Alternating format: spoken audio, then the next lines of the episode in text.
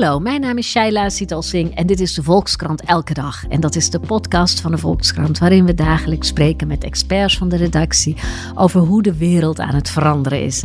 En vandaag doe ik dat met Fleur de Weert. Dag Fleur. Hi. We gaan het hebben over Oekraïense queers die zich in de westerse scene, met name in Berlijn, uh, hebben ondergedompeld, maar eigenlijk sinds de oorlog zich niet helemaal meer op hun plek daar voelen. Ja, klopt. Daar heb jij een groot verhaal over gemaakt. Fascinerend verhaal, moet ik, uh, moet ik zeggen.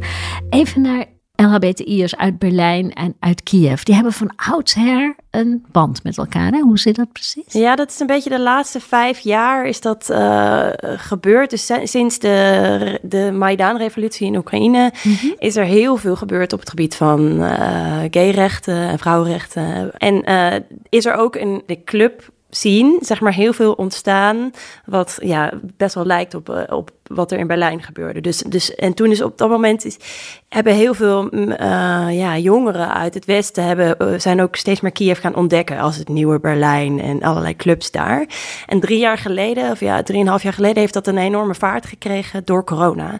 Omdat er dus heel veel clubs in het Westen, met name in Berlijn, in Duitsland, gingen de clubs dicht. Ja. En in Oekraïne was dat niet zo. Oh, dus daar kon je nog feesten? Daar kon je nog feesten. Dus toen heeft dat een enorme vlucht genomen. En zijn er heel veel Berlijners uitgegaan in Kiev. En dat waren echt specifiek queer clubs? Of sowieso? Nou, was dat gewoon sowieso voor de hele club zien? Dat, het geldt wel voor de hele club zien. Maar er zijn bepaalde clubs die best wel bekend zijn. Die, en dat zijn ook wel clubs die bepaalde soort fetishfeesten geven. En ook wel de queer, queer scene aantrekken. Ja, ja eigenlijk werd, werd Kiev de place to be. Ja, en dat was dat, ja, iedereen vond dat heel interessant. Want voor, voor veel West-Europeanen was het interessant om eens het oosten te ontdekken. Oekraïne mm -hmm. waren daar nooit geweest.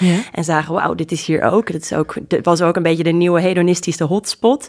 En voor veel Oekraïners was het interessant omdat, nou ja, zij leerden juist het Westen kennen. Sommigen uh, kenden Berlijn al wel, maar er waren ook, wat ik, wat ik veel heb gehoord uit uh, de gay scene in Oekraïne, is dat er, dat op dat moment, dat er nog niet zo heel veel was. Ik weet nog dat toen ik in Oekraïne woonde, 2011, 2012 en daarna 2014, je had wel een paar homo barren, zoals ze dat dan genoemd werd. Maar dat moest allemaal best wel geheimzinnig en het was best wel traditioneel. Echt, dit soort fetishfeesten waren er niet. En wat ik gehoord heb, is dat deze ontwikkeling en dus die vriendschappen die ontstaan ook heel erg belangrijk zijn geweest voor Oekraïnse LHBTI'ers. Omdat ze dus, ja, in, in, ze kwamen in aanraking met uh, westerse peers, westerse activisten, westerse ja. feestgangers en hebben gezien, oh, dit is er ook nog allemaal. En ja, dit in, kan ook. Ja. ja, maar dat zat hem echt dus soms in van, wauw, zo'n feest kun je je organiseren. Maar soms ook echt uh, in het feit dat ja, bepaalde genderidentiteiten werden ontdekt. Dat je het echt zoals een van de geïnterviewden ook tegen me zei, ik kende wel gays die nog nooit uh, drag, van drag hadden gehoord. En die kwamen er nu ineens mee in aanraking en zagen ook nog eens, wauw, dit in, in Europa kan dit allemaal. En die dit richting gaan wij mag. op. Ja, ja, want in de tijd dat jij in Oekraïne woonde, 2011, 2012, um, toen was zelfs een gay pride nog niet mogelijk hè, in Oekraïne. Toen nee. was dat nog echt, uh, nou ja, vrij ondergronds allemaal. Ja, kijk, het is best wel een conservatief uh, land en ze hebben in de afgelopen jaren, dus sinds die revolutie, een hele grote ontwikkeling doorgemaakt. Mm -hmm. En dat heeft ook te maken met, nou, ze zijn zich veel meer op Europa gaan richten, ja. maar ook politiek. Hè? Dus als je ziet, ze wilden natuurlijk bij de Europese Unie horen, daar hoort ook dit soort, uh, horen ook bescherming van LBTI-rechten ja, ook bij. Allerlei minderheidsrechten bij. Dus daarvoor was dat, ja, waren ze dat pas net aan het ontdekken. Dus je zag wel al activisten die bijvoorbeeld een gay pride wilden organiseren. Daar ben ik ook een paar keer bij geweest. Maar dat is, ja, dat is soms ook kon gewoon niet doorgaan, omdat er hele groepen ja, mensen op de been waren die gewoon mensen in elkaar wilden gaan slaan. En ik heb dat inderdaad in 2000. 12 meegemaakt. Mm -hmm. Dat ja, toen ben ik, was ik op pad met een groep activisten die dus die Pride wilden organiseren. En ja, die stonden ergens, we stonden ergens te wachten bij een metrostation. En ineens kregen we te horen: nee, gaat niet. Er zijn te veel uh, ja, groepen, bussen met mensen uit. Het was ook in dit geval uit Oost-Oekraïne. Die waren onderweg naar Kiev om daar gewoon echt ja, de meute uit elkaar te slaan. En toen is er toch een veiligheidsinschatting gemaakt. Dit gaan we niet doen. En is dat ook veranderd? En want je zegt politiek, is er is, is de houding veranderd ten opzichte van queers in de wetgeving ja. ook. Uh, um, er zijn die clubs ontstaan. Maar mensen uit Oost-Oekraïne die LHBTI'ers in elkaar willen slaan, die veranderen natuurlijk niet van de ene op de andere dag. Dus is, is dat sentiment ook een beetje gaan het is, schuiven? Het is wel wat gaan schuiven, maar ik denk dat zulke veranderingen langzaam gaan. Het is wel wat gaan schuiven, want doordat politici telkens zijn gaan benadrukken, zij horen erbij, we moeten ze beschermen. En ook politie bijvoorbeeld, want de politie was ook vaak op de hand van die mensen die daar uh, de boel wilden ontregelen. De politie is ook voor een groot deel hervormd en die worden ook nu ingezet om dit soort demonstranten dan dus activisten te beschermen meer en meer. En sinds Maidan, die revolutie, en sinds dat er dus nu telkens uitgedragen wordt, ook door Zelensky, van bijvoorbeeld nu LHBTI'ers in het leger, die zijn er ook, die moeten we beschermen, et cetera, zie je wel dat het zich aan het keren is. En wat daarbij ook belangrijk is, is dat je sinds uh, Oekraïne heeft, ja, eigenlijk in oorlog is met Rusland, is al, ook al veel lang, wat ook al negen jaar aan de hand is, zien heel veel mensen ook dat uh, waar Rusland voor staat. Juist die patriarchale normen en zijn zij dus ook veel meer omdat ze een gemeenschappelijk vijandbeeld hebben. En dat is dan een, nou ja, zoals sommige mensen zeggen, een soort van witte mannenkalifaat, wat Poetin wil stichten daar. Zeker, ja. Zien zij ook van, oké, okay, als wij... heteronormatief. Ja. Heel heteronormatief, dan moeten wij dus juist kijken, oh, dit is misschien wel iets wat wij juist moeten beschermen en wat iets goeds is. Oké, dus het is ook een soort cultureel wapen bijna geworden om je af te zetten tegen Rusland of, of, of, of een culturele uiting. Precies, dus je ziet ook buiten zijn, er wordt wel wat onderzoek gedaan in Oekraïne, hoe de gemiddelde Oekraïner erover denkt. En dan zie je dus dat, dat er nog zeker wel conservatief over wordt gedacht, maar dat er wel heel veel aan het schuiven is. Ja, oké. En dus onder die verschuivende normen en die verschuivende bescherming kon dus die bloeiende uh, clubscene uh, ontstaan in Kiev en, en die, die relaties met die Berlijnse clubscene. En nu toen kwam er oorlog, althans, eh, toen verhevigde de oorlog, moet ik zeggen. Toen kwam de inval uh, van Rusland. En zijn er heel veel queers gevlucht, hè? Ja, klopt. En wat je dus zag, is dat uh, door die clubconnectie, door zijn natuurlijk heel veel vriendschappen, relaties ontstaan, werd er dus ook de hand geboden vanuit Berlijn. Mhm. En zijn er heel veel LHBTI'ers gevlucht naar Berlijn. Er was echt, uh, in die eerste paar maanden waren er allerlei acties op Instagram, regel, help, help, uh, huisvesting zoeken, juist voor Oekraïnse queers. En die zijn dus massaal daar naartoe gegaan, vanwege die vriendschappen, maar ook vanwege, nou omdat ze dachten, nou dat is de stad, als we dan toch weg moeten, dan gaan we naar een stad die heel queervriendelijk is. En dat was toch Berlijn. En jij hebt een aantal, of een groot aantal van die gevluchte Oekraïners die zich nu in Berlijn uh, ophouden, heb jij gesproken. Ja. Maar die zijn teleurgesteld. Wat is er aan de hand? Er zijn al eerder, jaren geleden, al stukken verschenen over die clubconnectie. En toen in die eerste maanden ging het daar weer over van hoe mooi dat toch was, dat, dat die opvang ook daaruit voortkwam. En, en ik wilde daar eigenlijk telkens een verhaal over schrijven. Uh, ook vanuit die hoek van wat interessant dat dit nu gebeurt. Maar na de zomer uh, zag ik het eigenlijk ineens kantelen. En zag ik steeds meer kritische berichten vanuit die Oekraïnse queers en ook vanuit queers in die in Oekraïne zijn gebleven of zelfs terug zijn gegaan met kritiek over hun Berlijnse uh, vrienden of in ieder geval over Duitsland, over andere activisten daar. En toen dacht ik, nou volgens mij moet ik hier naar gaan kijken, want het was me al langer opgevallen dat veel Oekraïners die gevlucht zijn, of Oekraïners die met name voor, voor de invasie veel vrienden in het Westen hadden, teleurgesteld waren. Ik heb dat heel veel meegemaakt. Dan was ik aan de reis en dan sprak ik een eh, jonge vrouw die zei: Ja, ik trek het niet in Oostenrijk. En wat, waar dat mee te maken heeft, is dat Oekraïners zijn steeds meer Russen gaan haten en worden er ook steeds radicaler in. En uh, zij uh, uh, in het Westen, kijk, als zij in Oekraïne zijn, kunnen ze daar gewoon, kunnen ze dat allemaal uitlaten. Iedereen denkt daar hetzelfde over. Ja, kun je gewoon lelijke dingen over Russen zeggen. Precies, en dat is misschien vergelijkbaar met uh, wat er in Nederland na de Tweede Wereldoorlog over Duitsers. Uh, in, in, ik denk dat dat ook logisch is.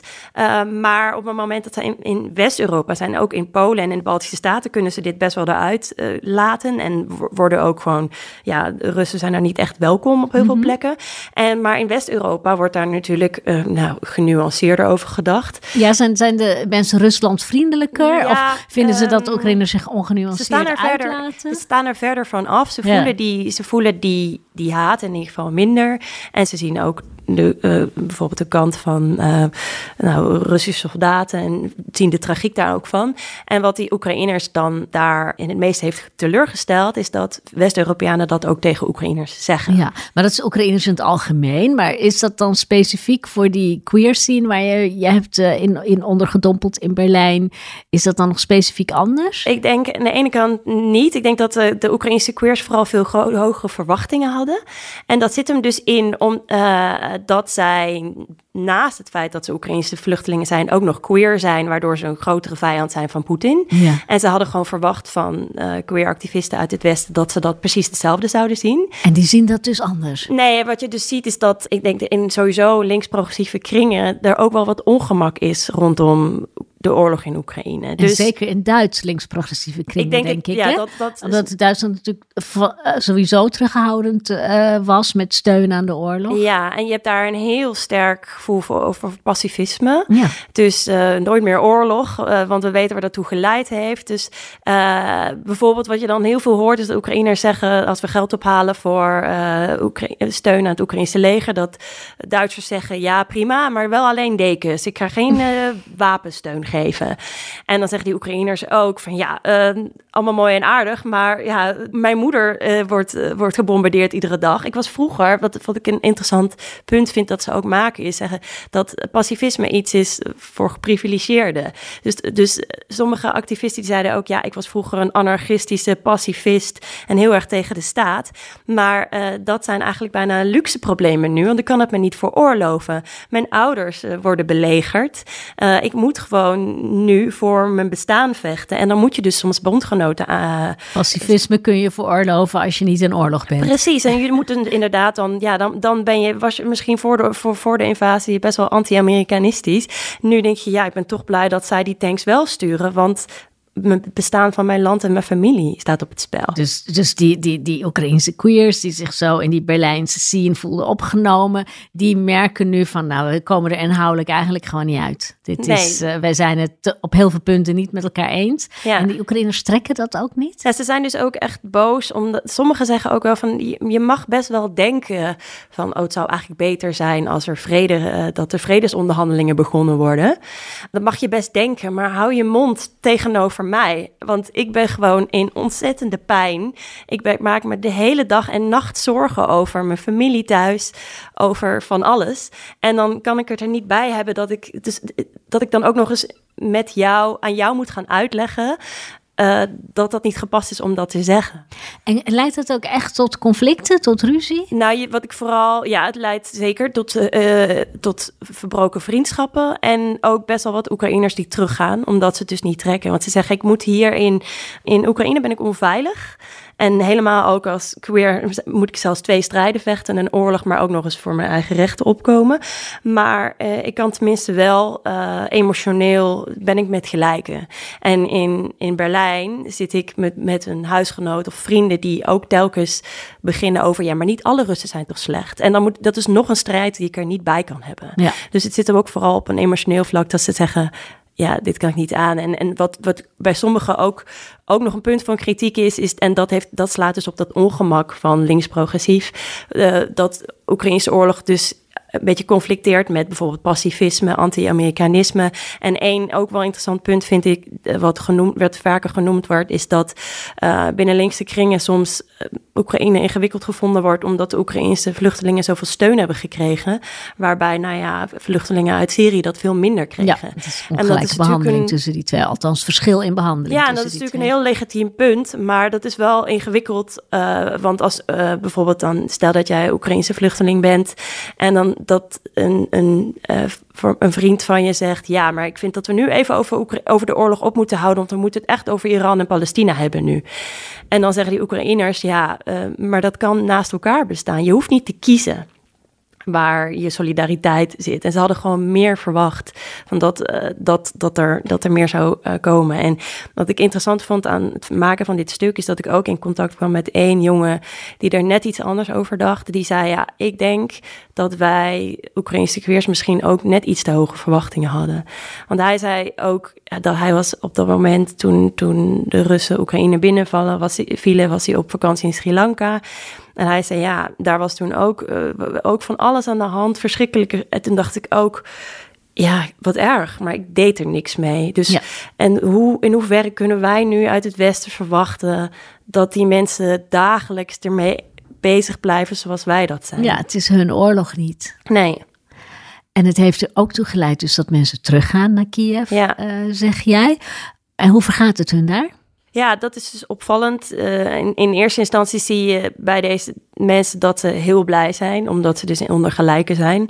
Maar tegelijkertijd, en, en een groot deel van, daarvan is ook daar, blijft daarbij, omdat ze dat in ieder geval uh, toch mentaal stabieler is om onder gelijken te zijn. Maar sommigen vinden het ook heel zwaar, want je zit natuurlijk wel onder hele heftige omstandigheden. Dus ik heb ook wel een paar mensen gesproken die op en neer gaan. En anderen worden, ja, blijven gewoon verteerd worden door een soort van mix van schaamte en schuldgevoel. Van ik zit in veilige Berlijn, terwijl mijn vrienden in het leger meevechten. En wat interessant is, dat er dus ook veel LHBTI'ers in het leger zitten. Ja, zo'n zo, zo oorlog leidt ook tot emancipatie op allerlei vlakken. Ook, ook van LHBTI'ers. En er is dus zelfs een eenheid, moet ik zeggen. Is het, is het aparte eenheid of zijn het Oekraïnse queers die eh, verspreid door het Ze zijn met name verspreid. Er zijn wel wat uh, bataljons die er meer hebben. Want uh, je hebt dus LHBTI'ers in het leger en sommigen zijn daar vrij open in. Ja, en die delen dat zo'n badge op hun uniform. Precies, of zelfs glitterstickers op hun, op hun AK heb ik ook al voorbij zien komen. Ja.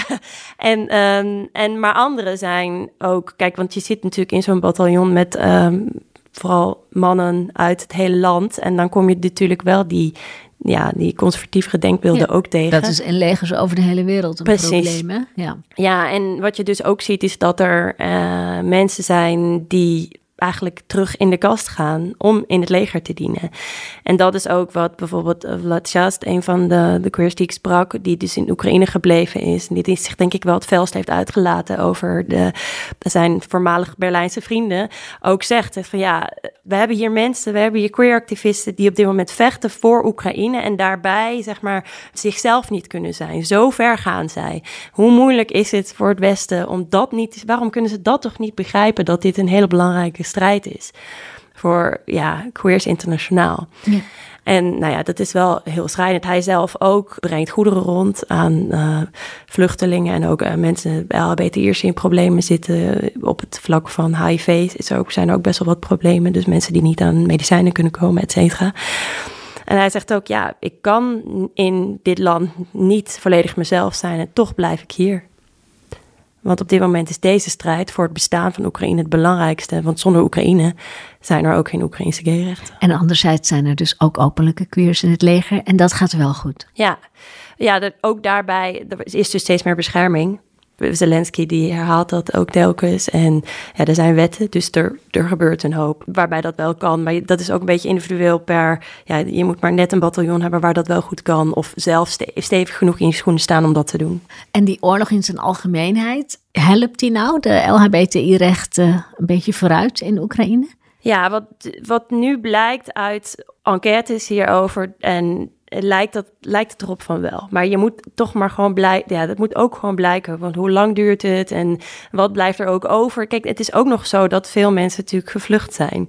En dat zijn vaak jongeren, hoogopgeleide en ook dus juist ook vaak queers. Dus dat is toch maar de vraag. Want eh, wat ik ook wel typisch vond, is dat Vlad Jas, die man die in, in Kiev gebleven was, ook zei, zei ja, ik blijf nu hier en ik vecht voor deze oorlog. Maar ja, ik weet ook niet hoe dat over vijf jaar is. Wie weet ga ik dan toch ook wel weer naar het buitenland, maar in ieder geval nooit meer naar Berlijn. Dankjewel. Fleur de Weer, dank je. Graag gedaan. En u luisteraar, weer heel veel dank voor het luisteren. En wilt u nou nog meer van onze journalistiek genieten? Dan kan dat heel voordelig door te gaan naar www.volkskranten.nl slash podcastactie. En dan kunt u een abonnement afsluiten op onze krant. En dan krijgt u veel meer van onze prachtige journalistiek. Want deze podcast is gratis, maar onze journalistiek kan dat natuurlijk niet zijn. Dit was de Volkskrant Elke Dag. Morgen weer een nieuwe. Tot dan.